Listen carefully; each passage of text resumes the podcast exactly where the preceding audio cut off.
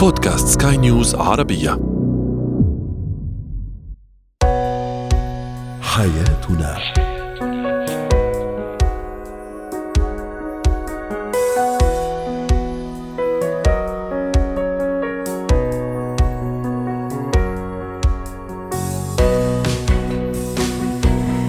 مستمعينا الكرام أهلا بكم معنا إلى حياتنا فضاؤكم اليومي الذي يعنى بشؤون الأسرة وباقي الشؤون الحياتية الأخرى والذي يمكنكم الاستماع إليه عبر منصة سكاي نيوز عربيه dot com slash podcast وباقي منصات سكاي نيوز العربية الأخرى. شاركونا عبر رقم الواتساب 00971 561 886223 معي أنا آمال شاب. اليوم نتحدث عن الصفات التي لا يمكن التنازل عنها عند اختيار شريك الحياة. العدوان في أو السلوك العدواني في المدارس. ما هي الأسباب وما هي الحلول أيضا؟ وأخيرا الانطباع الأول وما مدى تأثيره على العلاقات الاجتماعية؟ هو وهي.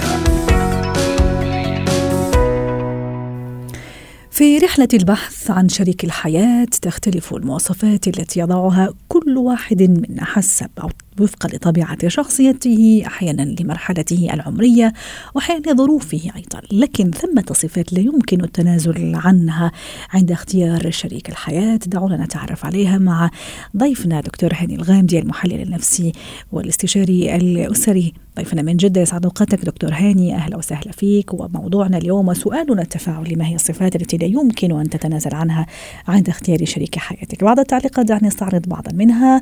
تعليق يقول الاحترام. إذا لم يوجد الاحترام لا توجد حياة. أخلاقه هذا تعليق آخر الأخلاق وأنه ما يتركني مهما حصل أيضا. أي شيء آه، أتنازل عنه إلا الخيانة. هذا تعليق محسن يوسف. وأخيرا أسامة يقول ما في شيء اسمه تنازل. كل الأمر يجب أن يكون بوضوح ومن البداية وبس. دكتور هاني آه، مثل ما أشرنا في البداية ممكن كل واحد عنده مواصفات معينة آه، يعني يتمناها في شريك العمر في زوجته المستقبلية أو زوجها المستقبلي. آه، تختلف من شخص لآخر لكن ثمة خطوط حمراء لا يجب أن يتخطاها الإنسان وثمة مواصفات لا يجب أن أتغاضى عنها ولو بعد حين. في وجهة نظري أول شيء يجب أن يكون في الشريك هو القبول هو الكيمستري القبول المشاعري اللي حاصل ما بين طرف وطرف منذ أيام الخطوبة. لأنه هذه أحد النقاط المهمة سيد امال إنه بالبعض يجبر على أن يتزوج طرف ما سواء ولد مجبور يتزوج بنت معينة أو بنت مجبورة تتزوج شاب معين. وبالتالي لا يمكن التنازل عن حتة أنه عندي قبول لها وعندها قبول لي وهو ما حرص عليه الدين والشرع والإسلام والأمور الأخرى اللي موجودة في مفاهيم الإنسانية بشكل عام. هذه رقم واحد. رقم اثنين الأخت الكريمة أو غيره ذكرت إنه والله أضمن لي إنه ما حيسيبني. يا بنتي ويا أختي ما حد بيضمن شيء بكرة. فما نقدر نكتب تعهدات على بعضنا البعض ولكن في عندنا مواصفات إنسانية أساسية يا أمال.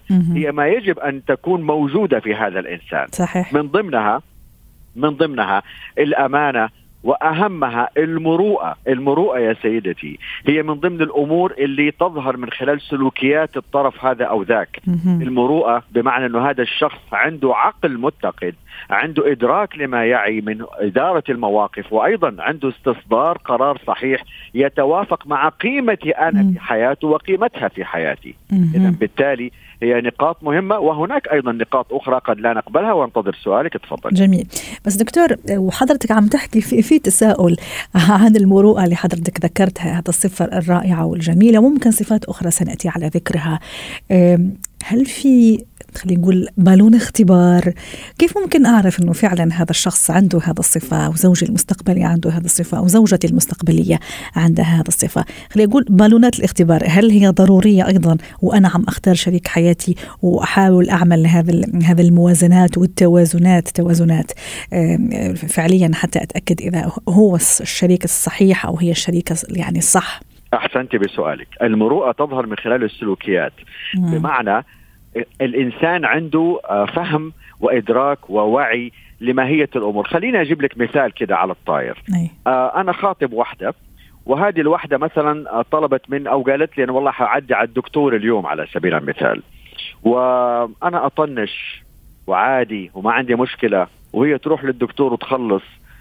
ما في اهتمام ما في يعني جزئية الإحساس آه، بوضع الآخر. طب هذه خطيبتي إذا من البدايات أنا عندي هذا هذه الصفات التهميشية أو التطنيشية لو جاز التعبير. إذا بكرة وش حتوقع منه يا امال صحيح وهذه المروءة في ابسط في أبسط صورها كمان. نعم نعم وعندي أمور أخرى. مثلا احتاجت لأمر معين. إحنا في حالة ملكة أو عملنا كتب كتاب واحتاجت مبلغ بسيط أو هدية أو أو خلافه. أنا بالنسبة لي وكأني حجزت أوضة في أوتيل أمثل بذلك إنه كأني حجزت امرأة في حياتي وخلاص أنا مش مسؤول عن أي حاجة. أنا ما أقول لك ادفع لها مبالغ واعمل لها ووديها وجيبها لكن في لمسات بتبين إنه أنا عندي جزء من الاهتمام في إبراز هذه المشاعر والحب والاهتمام للطرف الآخر. إذا بالتالي كثير من الأمور تحتاج. ولو إنه يا أمال خليني أقول لك على حاجة وآسف على الإطالة في الجزئية هذه للأسف بيجوني بنات كثار أو شباب من البدايات ما في اهتمام واضح. أنا كيف يتحول علاقتي معها بكرة أو معاه بكرة إلى زوج وزوجة تحت سقف الزوجية. وهي لساعه في بيت بابا أيام الملكة وما في أي اهتمام بالغياب بأيام عديدة دون السؤال عنها وهم عاملين كتب كتاب أصلا. تفضلي. رائع. دكتور هاني أشرت لغاية الآن لتقريبا صفتين اللي هي المروءه والكرم. دامك يعني تحدث عن الجوانب المادية.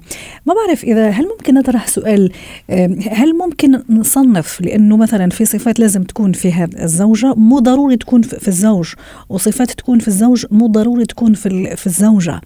آه، وأكثر من هيك كمان هذا الصفات وهذا المطالب خلينا نقول. هل تتغير كمان حسب الظروف حسب المرحلة العمرية؟ خلينا نقول مثلا امال اللي عم تتزوج وعمرها 20 سنة غير ممكن أمل تتزوج وعمرها 30 أو 40 ونفس الشيء بالنسبة مثلا خلينا نقول لحضرتك مثلا. آه، أو لشخص آخر لرجل آخر ممكن تتجوز في مرحلة 30 غير اللي يتجوز في مرحلة ال 40 هل تختلف هون المواصفات ولا تبقى الأشياء الضرورية ما نتنازل عنها مهما يعني كبرنا ولا كنا صغار في العمر؟ أحسنتي بسؤالك المواصفات لابد إنها تتغير. ما ينفع لما أنا مثلا أكون عمري في الأربعين سواء كان زواجة ثانية أو أنا تأخرت في الزواج وأتزوج بنت مثلا عمرها 35 زي ما نكون والله أنا عمري مثلا 28 وهي عمرها 20 أو أو شيء من هالقبيل. المواصفات تختلف الأمور تختلف وأيضا الإعمال العقلي أمال بيختلف لأنه التصورات والوعي والإدراك والتجارب مختلفة عما هو عليه من هم على سن أعلى وأكبر. صحيح. اذا بالتالي مش من مش من مش من المناسب بمكان إني أطالب بأمور بنوتية لو جاز التعبير من امرأة 30 40 سنة سواء كان زواجها الأولى أو الثاني.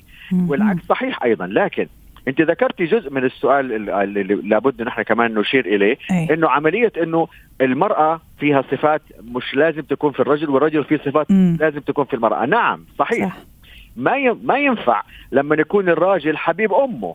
حبيب أمه يعني إيش يا أمال؟ يعني كل كلمة والتانية رايح يقول لي مامته والله أنا عملت معاها وسويت معاها وقالت لي أمها حصل معاها. إيه اللقلقة والكلام الفارغ اللي أنت فيه ده؟ يعني حتى حتى لو اتهمنا المرأة إنه عندها هذه الصفة فهي صفة غير محمودة. فما بالك بمصيبة كبيرة لما تكون في راجل؟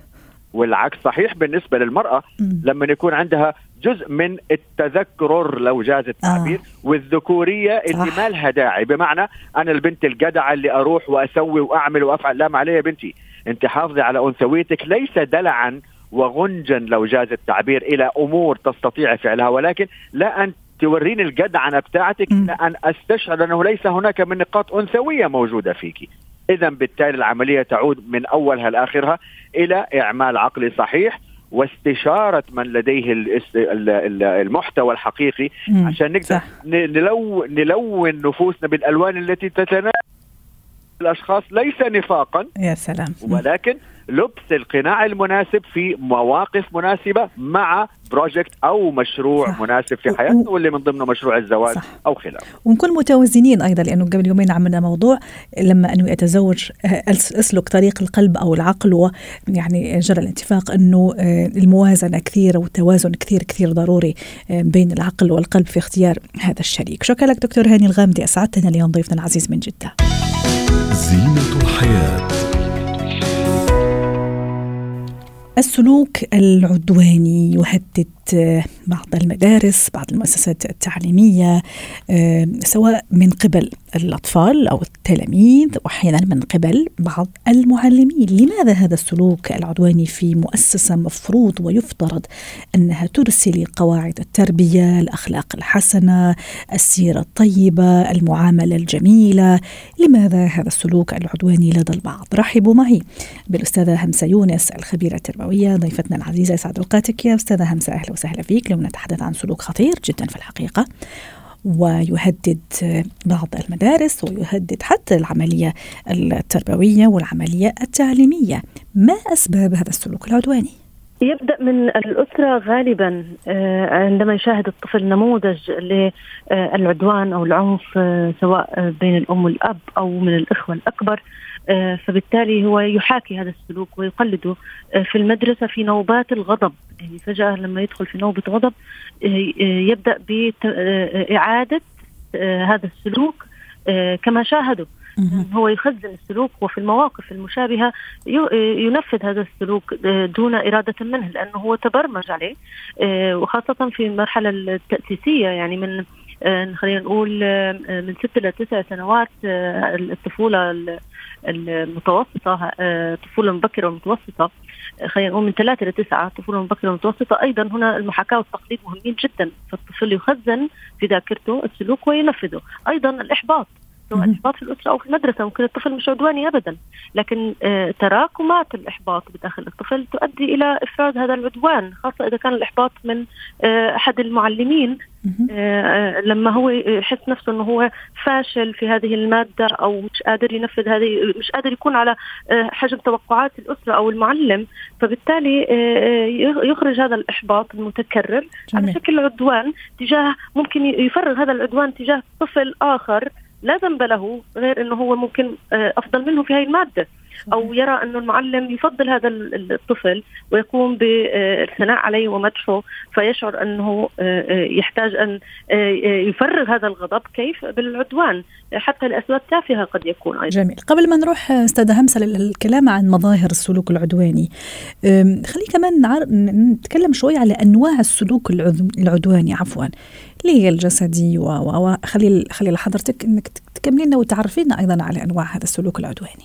العدوان يعني غالبا يكون عدوان جسدي لكن قد يستخدم أشياء قبل العدوان الجسدي أو حتى آه، آه، يصل إلى مرحلة العدوان الجسدي ممكن يبدأ بالاستفزاز آه، والابتزاز النفسي ويضغط نفسيا على الطرف الآخر حتى يعني يستفزه فيصل إلى مرحلة إنه أنا ضربته لأنه هو قال لي هاي الكلمة يعني يضغط عليه بطريقة غير مباشرة. فحتى في كثير أمهات يعني بتقول لي أنا بسمع بنتي بكيات آه، فبروح آه، آه، بسأل شو في بتقول لي أخوي ضربني. فبيتعاقب أخوها. طب سألتي ليش ضربها؟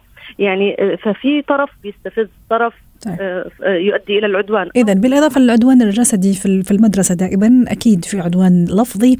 في عنوان رمزي أيضا عبر سلوك ممكن إهانة الشخص الآخر اللي هو زميله تلميذ أو ممكن العكس كمان لأنه عم نحكي كمان على بعض بعض أقول آه، ما نعمم كمان ويعني وصارت وشفناها في بعض المؤسسات التعليمية اللي هو اعتداء بعض المعلمين على التلاميذ. ما هي مظاهر السلوك العدواني للأطفال في المدارس أستاذ همسه اذا حابين نعددها في نقاط تكون واضحة. الأطفال قصدك يعني انهم إيه إيه نعم الأطفال نعم. في المدارس. لما أقول أنه آه، التلميذ هذا عدواني.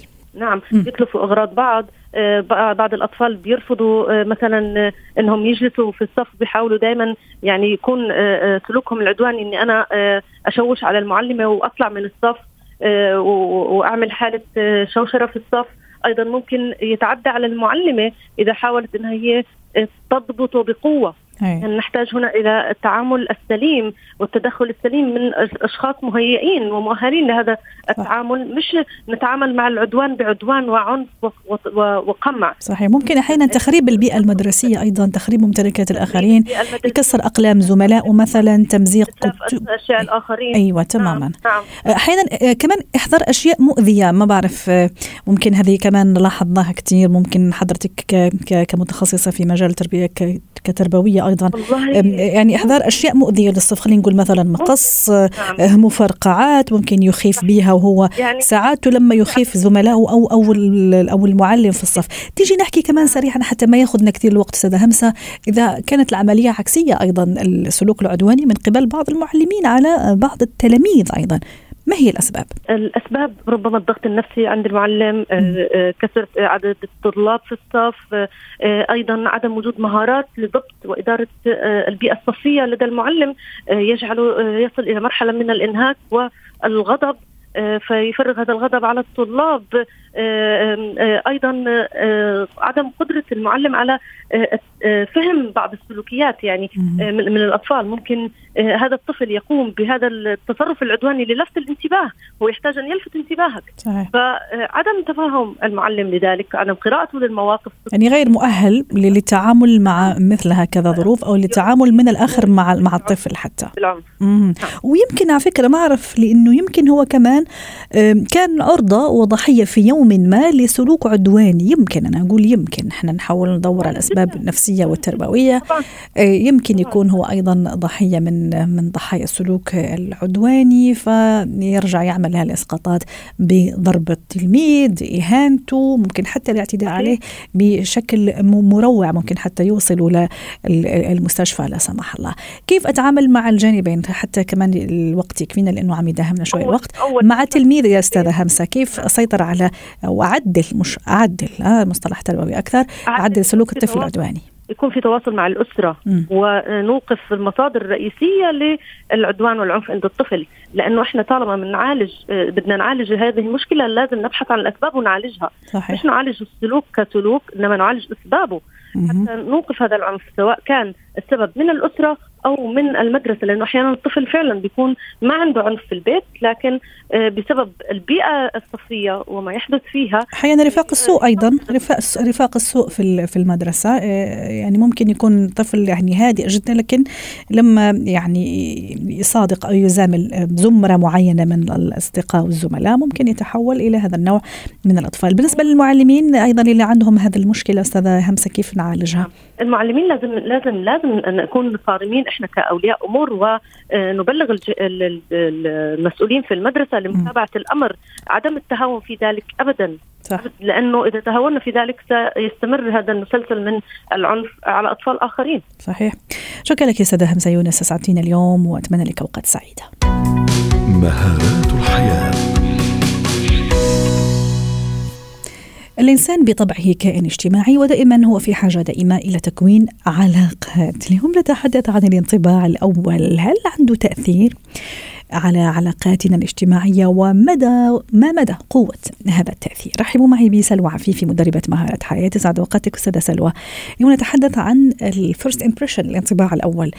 هل ضروري هل يحدد أشياء كثيرة؟ وما هي الأشياء اللي يحددها من من أول من أول مرة أو من أول لقاء؟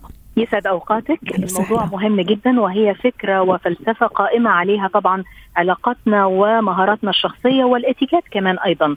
فهناك مثلما ذكرتي طالما في تواصل واحتكاك اذا هناك في أطراف آخرين آه، ربما يحكموا علينا يتقبلونا أو حتى يتضايقوا مننا.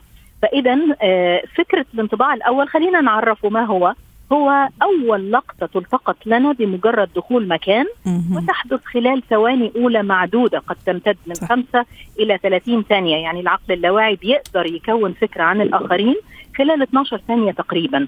وهنا آه، آه، أريد أن أذكر الطريقة كيف يتم الحكم أو كيف تتكون الانطباعات. هناك دراسة للباحث ألبرت مهريبيان بتقول أنه هناك ثلاثة عوامل أساسية. أول حاجة أولا الصورة الجسدية وهي تشمل المظهر والهندام والنظافة الشخصية وكمان لغة الجسد وهي تشكل نسبة كبيرة طبقا لهذه الدراسة قد تصل إلى 55% أوه يعني نسبة منيحة نسبة معتبرة. نسبة معتبرة وتكاد تكون أكثر من النص. صح. آه، نبرة الصوت تليها في الأهمية ويمكن حضرتك كمذيعة إذاعة كمان بتركزي على الصوت. آه، وهذه تشمل حوالي 38% ثم تأتي الكلمات. أنا ممكن أكون مش مركز في كلمات الآخر أو خصوصا لو إحنا بنتكلم في أول 30 ثانية. أنا مش هلحق أقول كلام غير إني أنا بعرف نفسي فقط.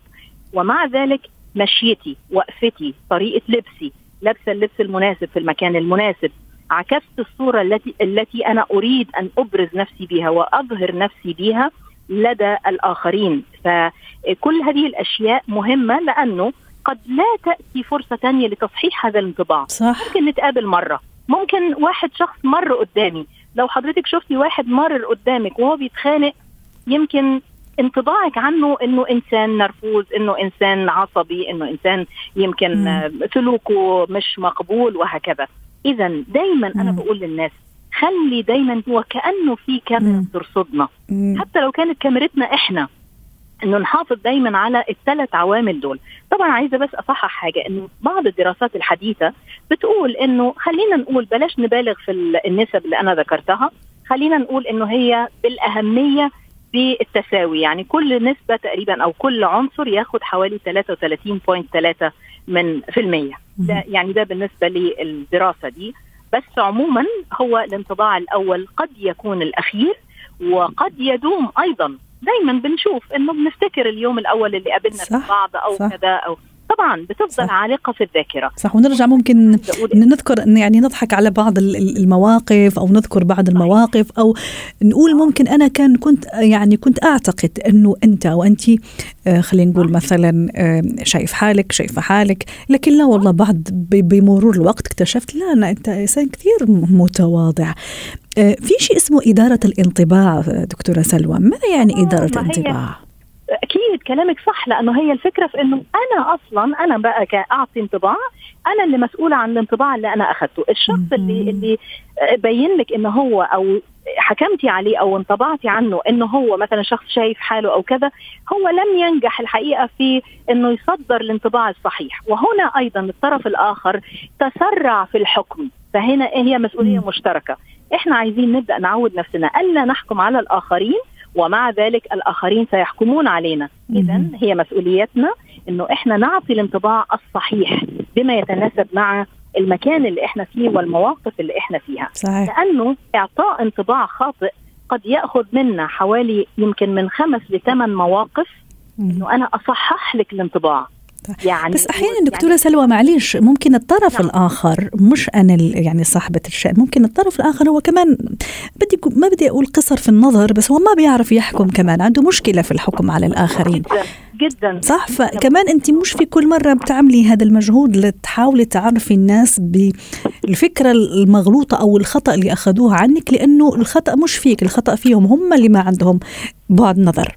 أنا معاكي مية المية. ومع ذلك لما بتكوني انت حضرتك عاملة الأصول اللي هي بقى القواعد الأساسية مم. أعتقد هنا مش حت لن تدعي مجالا للآخرين إنه يسيئوا الحكم عليكي ممكن مم. إنه واحدة شافتني ما حبتنيش ده موضوعها الخاص ده مشكلتها هي بس أنا رحت لبس اللبس المناسب للمكان المناسب تحدثت بالطريقة المناسبة قدمت نفسي بالطريقة المناسبة مشيت المشية المحترمة أو اللائقة وهكذا فإحنا كمان هنا عايزة أقول سريعا إحنا عندنا قاعدة حتى في ال interview لما بنكون رايحين نعمل مقابلات بنسميها قاعدة ال 12 إنه الناس بتشوف كل كل تفصيلة فينا من الرأس إلى أسفل القدمين.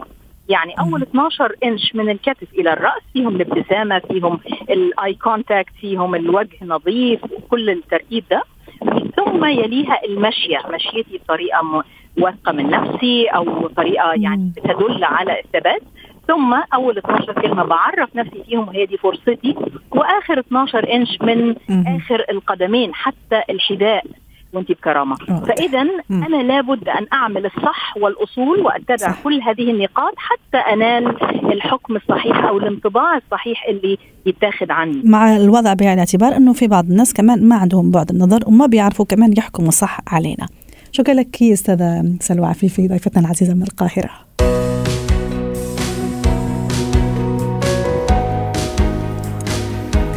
ختم حلقة اليوم من حياتنا. شكرا لكم وإلى اللقاء.